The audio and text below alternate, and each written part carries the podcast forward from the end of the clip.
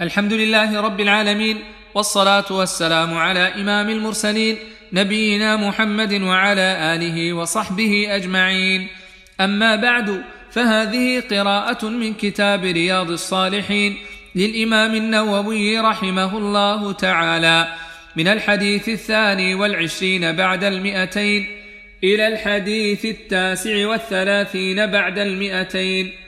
قال رحمه الله باب تعظيم حرمات المسلمين وبيان حقوقهم والشفقة عليهم ورحمتهم.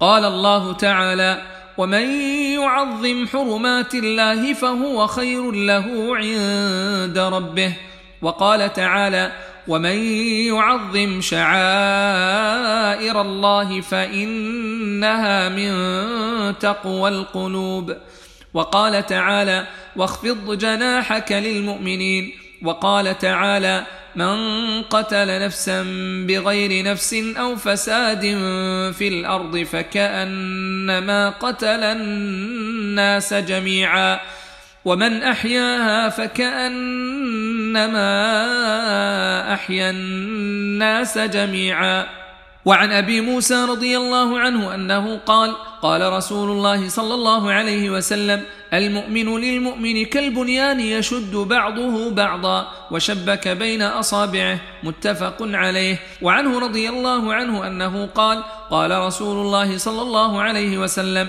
من مر في شيء من مساجدنا أو أسواقنا ومعه نبل فليمسك أو ليقبض على نصالها بكفه أن يصيب أحدا من المسلمين منها بشيء. متفق عليه. وعن النعمان بن بشير رضي الله عنهما أنه قال قال رسول الله صلى الله عليه وسلم مثل المؤمنين في توادهم وتراحمهم وتعاطفهم مثل الجسد إذا اشتكى منه عضو تداعى له سائر الجسد بالسهر والحمى. متفق عليه. وعن أبي هريرة رضي الله عنه أنه قال قبل النبي صلى الله عليه وسلم الحسن بن علي رضي الله عنهما وعنده الأقرع بن حابس فقال الأقرع إن لي عشرة من الولد ما قبلت منهم أحدا. فنظر إليه رسول الله صلى الله عليه وسلم فقال من لا يرحم لا يرحم. متفق عليه.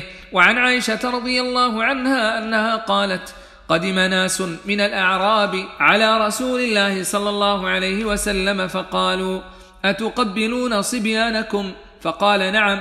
قالوا لكنا والله ما نقبل. فقال رسول الله صلى الله عليه وسلم أو املك إن كان الله نزع من قلوبكم الرحمة؟ متفق عليه. وعن جرير بن عبد الله رضي الله عنه أنه قال قال رسول الله صلى الله عليه وسلم من لا يرحم الناس لا يرحمه الله. متفق عليه. وعن أبي هريرة رضي الله عنه أن رسول الله صلى الله عليه وسلم قال إذا صلى أحدكم للناس فليخفف فإن فيهم الضعيف والسقيم والكبير. وإذا صلى أحدكم لنفسه فليطول ما شاء. متفق عليه. وفي رواية وذا الحاجة. وعن عائشة رضي الله عنها أنها قالت إن كان رسول الله صلى الله عليه وسلم ليدع العمل وهو يحب أن يعمل به خشية أن يعمل به الناس فيفرض عليهم. متفق عليه. وعنها رضي الله عنها أنها قالت نهاهم النبي صلى الله عليه وسلم عن الوصال رحمة لهم. فقالوا إنك تواصل. قال إني لست كهيئتكم. إني أبيت يطعمني ربي ويسقيني. متفق عليه. معناه يجعل في قوة من أكل وشرب. وعن أبي قتادة الحارث بن ربعي رضي الله عنه أنه قال قال رسول الله صلى الله عليه وسلم إني لأقوم إلى الصلاة وأريد أن أطول فيها فأسمع بكاء الصبي فأتجوز في صلاتي كراهية أن أشق على أمه. رواه البخاري. وعن جندب بن عبد الله رضي الله عنه أنه قال قال رسول الله صلى الله عليه وسلم من صلى صلاة الصبح فهو في ذمة الله فلا يطلبنكم الله من ذمته بشيء فإنه من يطلبه من ذمته بشيء يدركه ثم يكبه على وجهه في نار جهنم. رواه مسلم. وعن ابن عمر رضي الله عنهما أن رسول الله صلى الله عليه وسلم قال المسلم أخو المسلم لا يظلمه ولا يسلمه. من كان في حاجة أخيه كان الله في حاجته. ومن فرج عن مسلم كربة فرج الله عنه بها كربة من كرب يوم القيامة. ومن ستر مسلما ستره الله يوم القيامة. متفق عليه. وعن أبي هريرة رضي الله عنه أنه قال قال رسول الله صلى الله عليه وسلم المسلم أخو المسلم لا يخونه ولا يكذبه ولا يخذله. كل المسلم على المسلم حرام عرضه وماله ودمه. التقوى ها هنا بحسب امرئ من الشر أن يحقر أخاه المسلم. رواه الترمذي وقال حديث حسن وعنه رضي الله عنه أنه قال قال رسول الله صلى الله عليه وسلم لا تحاسدوا ولا تناجشوا ولا تباغضوا ولا تدابروا ولا يبع بعضكم على بيع بعض. وكونوا عباد الله إخوانا. المسلم أخو المسلم لا يظلمه ولا يخذله ولا يحقره. التقوى ها هنا. ويشير إلى صدره ثلاث مرات بحسب امرئ من الشر أن يحقر أخاه المسلم. كل المسلم على المسلم حرام. دمه وماله وعرضه. رواه مسلم. النجش أن يزيد في ثمن سلعة ينادى عليها في السوق ونحوه ولا رغبة له في شرائها بل يقصد أن يغر غيره وهذا حرام. والتدابر أن يعرض عن الإنسان ويهجره ويجعله كالشيء الذي وراء الظهر والدبر. وعن أنس رضي الله عنه عن النبي صلى الله عليه وسلم أنه قال لا يؤمن أحدكم حتى يحب لأخيه ما يحب لنفسه متفق عليه. وعنه رضي الله عنه أنه قال قال رسول الله صلى الله عليه وسلم انصر أخاك ظالما أو مظلوما. فقال رجل يا رسول الله انصره إذا كان مظلوما. أرأيت إن كان ظالما كيف أنصره؟ قال تحجزه أو قال تمنعه من الظلم فإن ذلك نصره.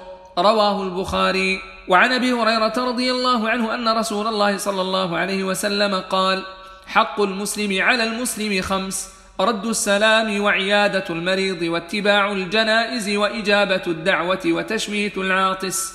متفق عليه. وفي رواية لمسلم حق المسلم على المسلم ست إذا لقيته فسلم عليه وإذا دعاك فأجبه وإذا استنصحك فانصح له وإذا عطس فحمد الله فشمته وإذا مرض فعده وإذا مات فاتبعه.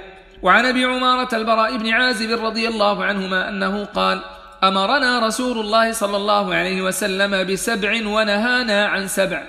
أمرنا بعيادة المريض واتباع الجنازة وتشميت العاطس وإبرار المقسم ونصر المظلوم وإجابة الداعي وإفشاء السلام.